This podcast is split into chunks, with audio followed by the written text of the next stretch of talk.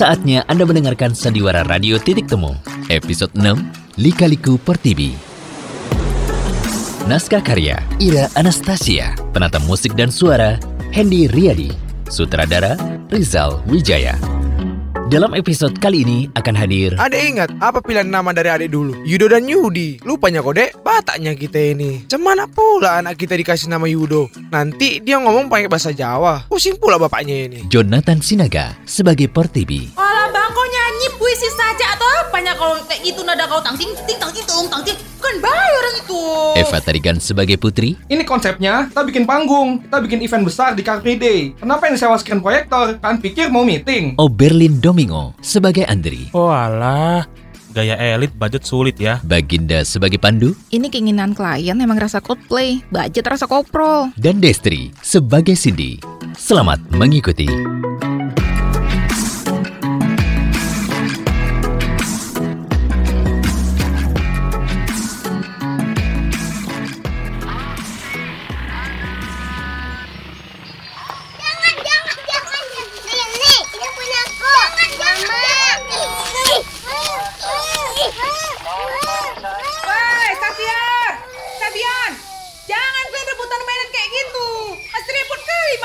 Dibeberes rumah. Aduh, capek kali pun. Aduh bang, tolonglah dulu didiamkan dulu anakmu itu bang. Masih cuci piring aku, kau tolong lu sikit. Tang ting, ting tang ting tung, anak bapak. Berhentilah menangis. Kalau tidak berhenti, digigit nyamuk. Alah bang, kau nyanyi puisi saja atau apanya kalau kayak gitu nada kau tang ting ting tang ting tung tang ting kan bahaya orang itu. Aduh, bisa beda lah nanti anakku bang kalau digigit nyamuk kau bilang bang bang.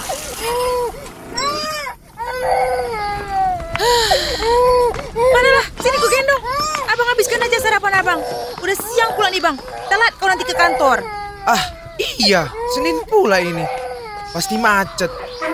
Betul kan bang, ku bilang waktu itu, anak kita jangan dikasih nama Safion. Kenapa rupanya? Abang ini ngasih nama anak itu artinya petarung bang. Betul lah, bertarung aja dia terus sama abangnya. Kau tengok kalau nih bang, kasihan kali si Safian ini. Sering kali dibuat nangis. Ah, bagus pilihan nama dariku. Adek ingat apa pilihan nama dari adik dulu? Eh, apa rupanya? Yang lupanya aku. Yudo dan Yudi. Lupanya kok dek. Bataknya kita ini. Cemana pula anak kita dikasih nama Yudo? Nanti dia ngomong pakai bahasa Jawa. Pusing pula bapaknya ini. Kita sewa penerjemah lah nanti bang. Cumananya. Eh, tapi kan bang, kemarin aku di WA lah bang. Sama yang punya rumah ini. Mana ya? Udah diingatkan ya aku. Bulan depan kontrakan kita habis bang. Bulan depan janganlah lupa dibayar bang. Mau kali aku. Bah, ndak bisa mundur rupanya bayarnya. Eh, mana ada diundur-undur? Emang rumah bapak kita ini? Yang ada diusir nanti kita bang. Bang, sama itu bang satu lagi. Abang tahu, Bu Dini kan bang? Itu loh, yang rumahnya di pojokan itu bang. Kenapa dia rupanya? Anak dia, itu kan umurannya sama cuma anak kita 4 tahun. Tadi pagi waktu aku belanja sayur, ditanya pula sama aku, kenapa anak kita belum sekolah? Anaknya udah masuk playgroup bang, yang internasional pula sekolahnya. Mak, mau sekolah, Mak. Ah, tahun depan lah. Ah, tahun depan. Masuk sekolah bulan apa rupanya? Ya Juli lah bang. Masih Septembernya ini. Juli tahun depan lah kita daftar TK. Bang, bang, sekarang daftar TK itu ada kuotanya bang. Dari awal tahun, mama-mama itu udah pada heboh kali mendaftar. Yang kalau kita telat, nanti nggak bisa nak kita masuk TK bang. Bah, bah, bah. Macam handphone saja. Nanti Sabtu lah ya. Kita tengok-tengok dulu TK-TK dekat sini. Itulah kau ada sedikit kurang-kurangnya kau bang. Apa pula hari Sabtu? Ya tutuplah sekolah, bukan mall itu. Ah, cumananya kau. Ya, kalau hari biasa abang nggak bisa. Sulit kali ngambil cuti di kantor abang. Aduh, cemana lah mau ku bilangkan bang ya. Tapi udah aku cari-cari bang di internet bang. Nah, ini nih bang, tengok emang ya. Ada satu yang suka kali aku bang. Ini pakai kurikulum Montessori bang. Yang paham ya kau? Ntar aku tengokkan dulu ya. Hmm, hmm. Nah ini nih bang, bang. Ah, tengok, tengok, tengok, tengok nih. Ha. Luas sekali sekolahnya bang. Fasilitasnya, uh, ada ruang multifungsi, ada lab komputer, perpustakaan, studio art, ruang musik, ruang UKS, lapangan bola, lapangan basket. Alamak, mantap kali. Berapa biayanya rupanya? Uang pangkalnya Ya 15 juta bang. eh bang, ini belum seberapa per bulannya cuma tiga setengah jutanya bang. Sama ada lagi uang seragamnya bang. Coba lah kau cek lagi deh. Itu daftar kuliah aku rasa, bukan daftar TK. Ah nggak update kali kau. Ini TK bang, TK. Tapi internasional. Anak kita kembar deh. Itu biaya yang kau sebutkan tadi, kau kali dua coba. Adek tahu kan gaji abang? Harus pula ya masuk TK. Waktu zaman abang dulu, nggak ada TK-TK. Langsung SD Impress. Bisanya hidup abang sekarang. Walah bang, bang pantas lah kau kayak gini bang, bang. Umur TK itu kalau kata orang golden age bang, golden age ya. Harus pendidikan yang bagus bang. Perlu juga bang, ini untuk pembentukan karakter dan mental anak untuk belajar sosialisasi menjelang sekolah SD. Memangnya abang nggak mau yang terbaik untuk anak-anak kita? Dek, dek. Mana mungkin abang nggak ingin yang terbaik untuk Safir dan Safion. Cuman kita harus tahu ya kan batasan kita. Ah, sering-seringnya abang lembur. Emang gak ada rupanya dapat uang lembur itu bang? Kan adek tahunya semuanya. Memang ada peraturannya. Nggak ada itu uang lembur. Kecuali kalau abang masuk weekend. Itu pun nggak banyak kan? Ah, cemana lah bang ya? Mama abang kemarin telepon juga loh bang. Apa katanya? Itulah, adik abang itu yang di Medan Sidame, yang mau ujian skripsi rupanya. Mama butuh uang. Habis itu, habis ujian skripsi, mesti bayar lagi pula dia untuk yudisium. Wisuda, toga, ah tak apa-apa lagi bun. Terus, udah kau kirimkan? Ya mana ada lah. Yang kau pikirkan dulu, ini duit belanja pun udah tipis sekali, macam tempe mendoan. Bah, kan gaji baru 10 hari yang lalu. Baru bang, bang, yang lupanya bang rupanya. Kemarin kan abang tengok sendiri. Sudah baling, udah rusak jet pump kita. Mau beli yang baru sama bayar tukang aja udah habis pula itu 2 juta bang. Aduh ampun aku bang, pusing kali aku ngutur keuangan kita ini. Ini yang diatur pun gak ada. Makanya bang, kenapa lah dulu abang suruh aku berhenti kerja? Padahal kan... Dek, dek, dek. Ini kan kesepakatan kita bersama. Abang yang kerja, kau yang ngurus rumah tangga. Itulah kau. Makanya, kau juga cari-cari lah freelance-freelance kayak gitu bang. Atau tukar aja lah kita kalau nggak ah. Capek pun aku kayak gini nengok kau terus. Gajiku ya bang ya, waktu itu lebih besar daripada gaji kau bang. Capek aku bang, capek. Sumpah kali aku di rumah ini terus. Biar kau tahu ya bang, aku tuh nggak pernah me time kayak orang-orang. Kumpul-kumpul sama kon-kon aku. Aduh bang, capek kali aku bang. Coba lah ya bang, abang tengok tadi di depan TV tuh udah kusapu. Nah sekarang belum ada sejam ku tinggalkan cuci piring sama masak. Udah macam kapal pecah lagi sekarang nih semuanya. Gak ada istirahatnya aku. Ah capek aku bang.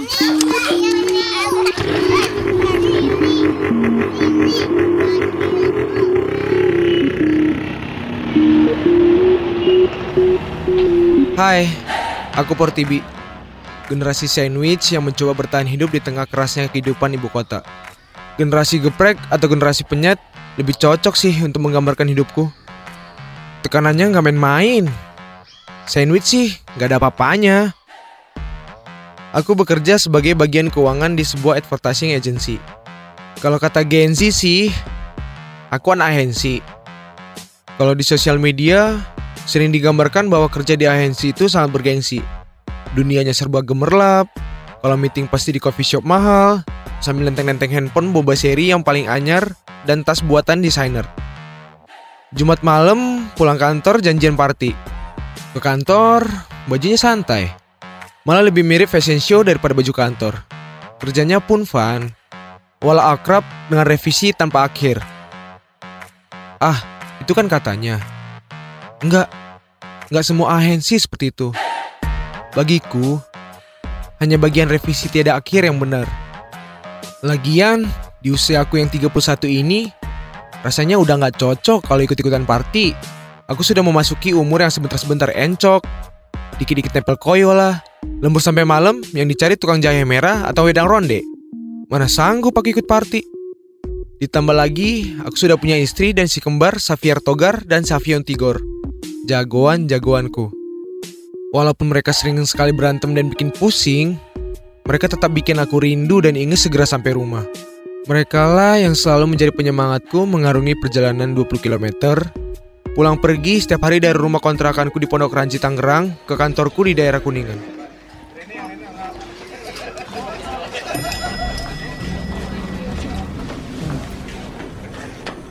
Bi, Bi, tunggu Bi, tahan pintu liftnya. Eh, Duk,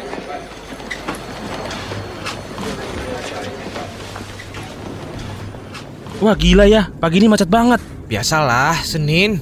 Kamu bawa motor? Yo eh, seperti biasa. Kamu itu nggak tremor ya bawa motor tiap hari dari Tangerang ke Jakarta? Anggap aja touring tiap hari. Mau gimana lagi? Aku kan hanya punya motor. Mas Pandu, Bang Tipi, buruan. Ditungguin bos dari tadi. Aku nelfon bolak-balik tahu nggak? Ya maaf, aku kan nyetir motor, HP ku di tas. Kan dilarang menggunakan handphone selama berkendara, bisa membahayakan orang lain dan diri sendiri. Bisa ditilang aku. Terus, kalau kita menyebabkan kecelakaan gara-gara main handphone, itu sanksi pidananya berat loh. Pak Andri kenapa Ros? Ini baru jam 9, tumben banget. Ada apa? Nggak tahu, tegang banget di dalam. Pesan Pak Andri kalau kalian berdua datang disuruh segera ke ruang meeting. Segera. Kasian loh Cindy udah nangis-nangis dari setengah sembilan tadi di ruang meeting. Waduh, Masuk. Ya Mak Jang. Sini kenapa? Duduk kalian. Kalian tahu nggak kenapa kan saya panggil ke sini? Enggak, Pak. Kalian ini gimana? Orang keuangan kok bisa nggak teliti? Kalian tuh salah hitung untuk anggaran biaya eventnya PT Indonesia Sejahtera selamanya. Salah hitung, Pak. Kok TV, dari tadi kamu membeo saja. Coba, coba kamu tunjukkan di mana letak salahnya, Sin. Saya minta kamu tunjukkan kesalahan mereka, bukan nangis. Gimana sih? Kalian lihat, ini apa kalian masukkan? Harga sewa screen hanya 600 ribu per event. Pak, harga sewa yang kami dapat untuk screen 6 kali 4 memang segitu, Pak. Maaf, salahnya di mana Pak? Kalian pakai nalar dong. Ini konsepnya, kita bikin panggung. Kita bikin event besar di Car Free Day. Kenapa yang sewa screen proyektor? Kalian pikir mau meeting? Eh, jadi harusnya LED screen outdoor. Hah? Biaya sewanya jauh banget Pak, nggak mungkin itu 600 ribu. Exactly. Ya Tuhan, itu per meternya sekitar 900 ribu. Untuk ukuran 6 kali 4 berarti 21 juta 600 ribu. Astagfirullah, selisih 21 juta. Ya, itu selisih per event. Kalian tahu, ini ada berapa kali event kan? 5. Mati lawa. Kalian sudah merugikan perusahaan lebih dari 1 juta rupiah.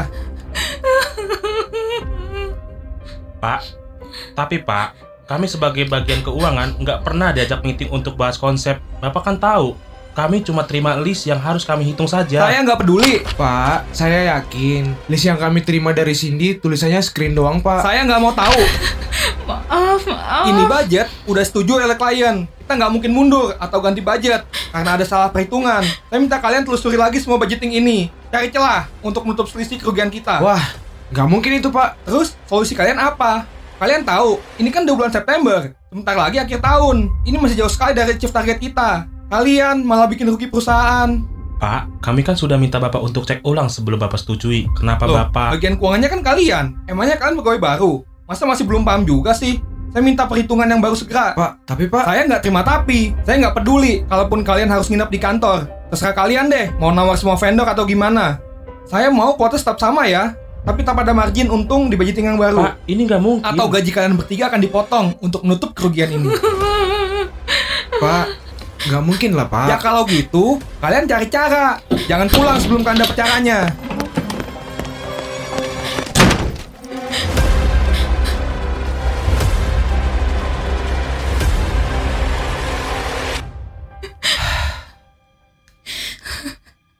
Guys, please maafin aku.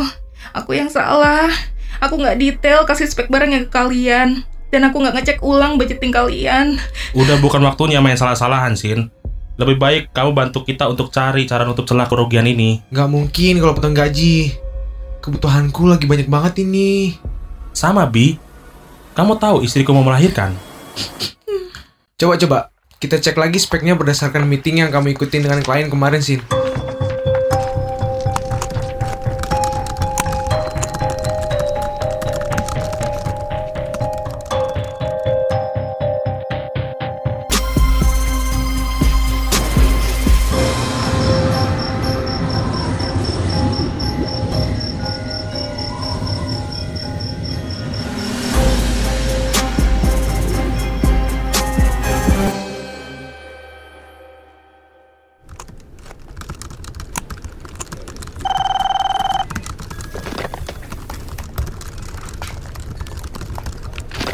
Guys, Sapam Gedung barusan telepon. Kita cuman bisa di sini sampai jam 11.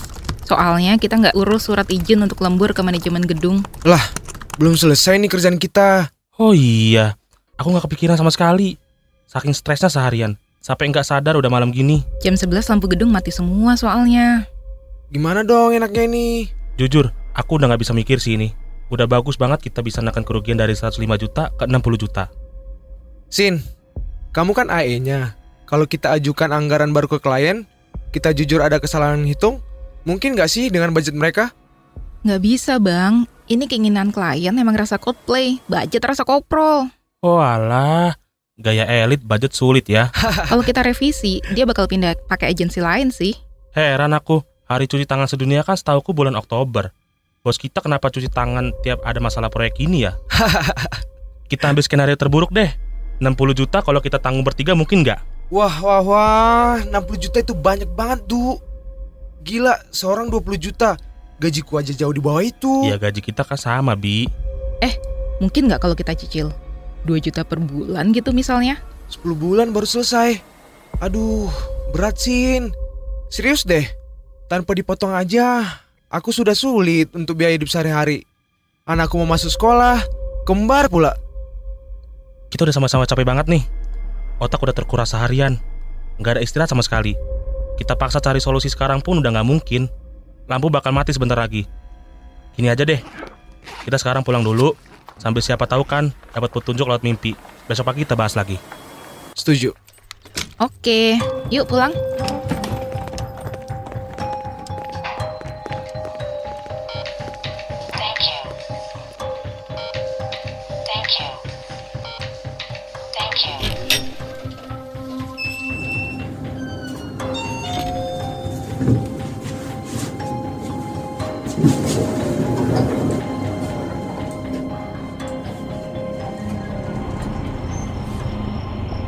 Guys, aku duluan ya. Ojeknya udah sampai nih. Maaf ya sekali lagi. Iya, hati-hati, Sin. Kamu yakin mau pulang naik motor, Bi? Iyalah, Nggak mau naik kereta bareng aku aja, Bi. Kita udah capek seharian loh. Bener-bener mikir nguras energi. Bahaya kalau kamu harus bawa motor jauh gitu. Ngantuk nanti. enggak lah. Masa motorku aku tinggal? Aman kok. Baru jam 11, masih rame juga. Kalau kamu naik transportasi umum, kamu bisa sambil istirahat. Nggak macet-macetan. Kalau naik motor, kamu kan harus full konsentrasi ke jalanan. Padahal kamu lagi capek banget kan? Ah, lagian aku nggak hafal jalur-jalur kendaraan umum, Du. Payah kamu. Install aplikasi Movit lah. Move it. M-O-O-V-I-T. Apa itu? Ini aplikasi petunjuk rute semua jenis angkutan umum. Nih, lihat deh. Kita tinggal masukin lokasi awal kita dan tujuan akhir kita. Nanti dia carikan rute dan kendaraan umum yang kita bisa pakai. Aplikasi ini dapat membantu masyarakat mendapatkan informasi seputar rute angkutan umum yang ada di kawasan Jabodetabek. Mulai dari angkot, Transjakarta, hingga KRL komuter lain. Wah, canggih. Bukan hanya di Jabodetabek. Ini bisa kamu gunakan juga di beberapa kota lain. Eh, eh, eh. Ini live juga ya? Iya, dia juga bisa memperkirakan kendaraannya akan tiba dalam beberapa menit. Wah, canggih nih. Dia bisa tahu KRL komuter lain ke arah rumahku masih ada atau enggak jam segini. Tuh, kereta ke Tangerang terakhir jam 23.40 dari stasiun Tanah Abang. Kamu bisa naik yang ini. Next time deh. Aku naik motor aja kali ini. Oke lah, aku duluan ya. Jangan ngantuk di jalan loh.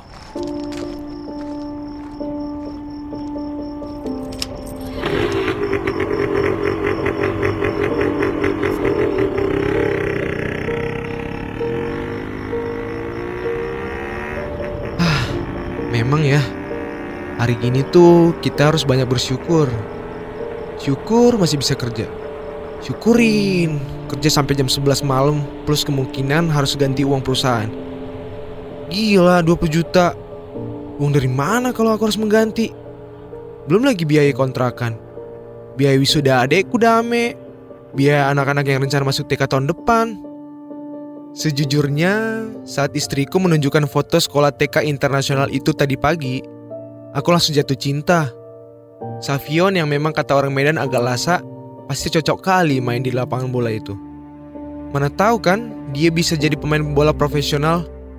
Xavier yang lebih kalem, kuperhatikan sepertinya ada bakat untuk memainkan alat musik. Xavier pasti suka sekali main di ruang musiknya. Siapa tahu besarnya dia bisa jadi pemusik terkenal kan? Tapi uang dari mana? Untuk uang pangkal saja udah 30 juta untuk mereka berdua. Uang bulanan sebulan 7 juta. Belum uang ini itu. Gajiku tiap bulan sudah habis duluan untuk uang sekolah mereka. Lalu kami makan apa? Mie instan sampai mereka lulus. Mungkin istriku benar. Mungkin lebih baik kami bertukar peran. Dia yang bekerja, aku yang mengurus anak-anak. Toh, aku nggak becus kerjanya. Gajiku nggak cukup menghidupi keluargaku dan orang tuaku. Ya, aku masih menjadi tulang punggung untuk mamaku dan dua orang adekku di Medan. Sudah tidak cukup, tambah pula aku dapat masalah di kantor dan harus mengganti uang kantor. Sejak Amang, panggilanku untuk bapak, meninggal, mama dan dua orang adikku pindah ke Medan. Agar dekat dengan keluarga yang lain dan menempati rumah warisan Amang di sana. Mama menjual rumah di Jakarta dan menggunakan uangnya untuk biaya kuliah adik-adikku di Medan. Karena tidak ada pemasukan, uang yang tidak seberapa itu akhirnya mulai habis. Dan hanya ada aku yang dapat mereka andalkan. Kasihan istriku. Ternyata selama ini dia tidak bahagia. Dia harus banyak mengalah. Aku merasa sangat bersalah. Dia harus mengorbankan hidupnya yang enak untuk menikah denganku. Ku ternyata kurang memperhatikan kebutuhannya. Ku ternyata egois. Ku selalu mengeluh capek setiap balik kerja. Padahal pekerjaan putri, istriku, sebagai ibu rumah tangga tidak ada habisnya hampir 24 jam. Entah kenapa, masalah rasanya seperti bertubi-tubi. Masalahnya banyak, beragam, tapi jawabannya hanya satu, uang. Ah, angin malam ini kalau lama-lama bikin aku ngantuk ya. Badanku mulai terasa lelah sekali. Ah, tapi tanggung kalau aku mampir untuk beristirahat sejenak. Sedikit lagi sampai kok. Tanggung, hutan aja lah ngantuknya.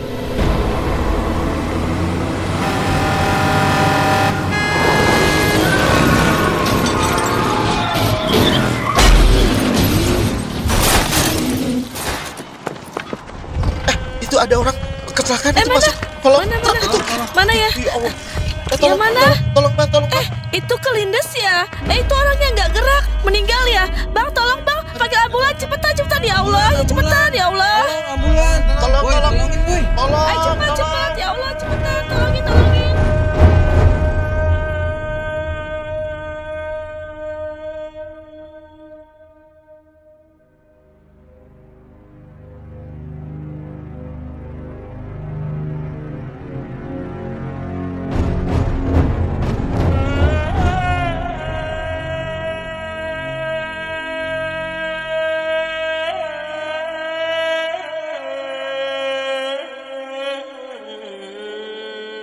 Baru saja Anda dengarkan Sandiwara Radio Titik Temu.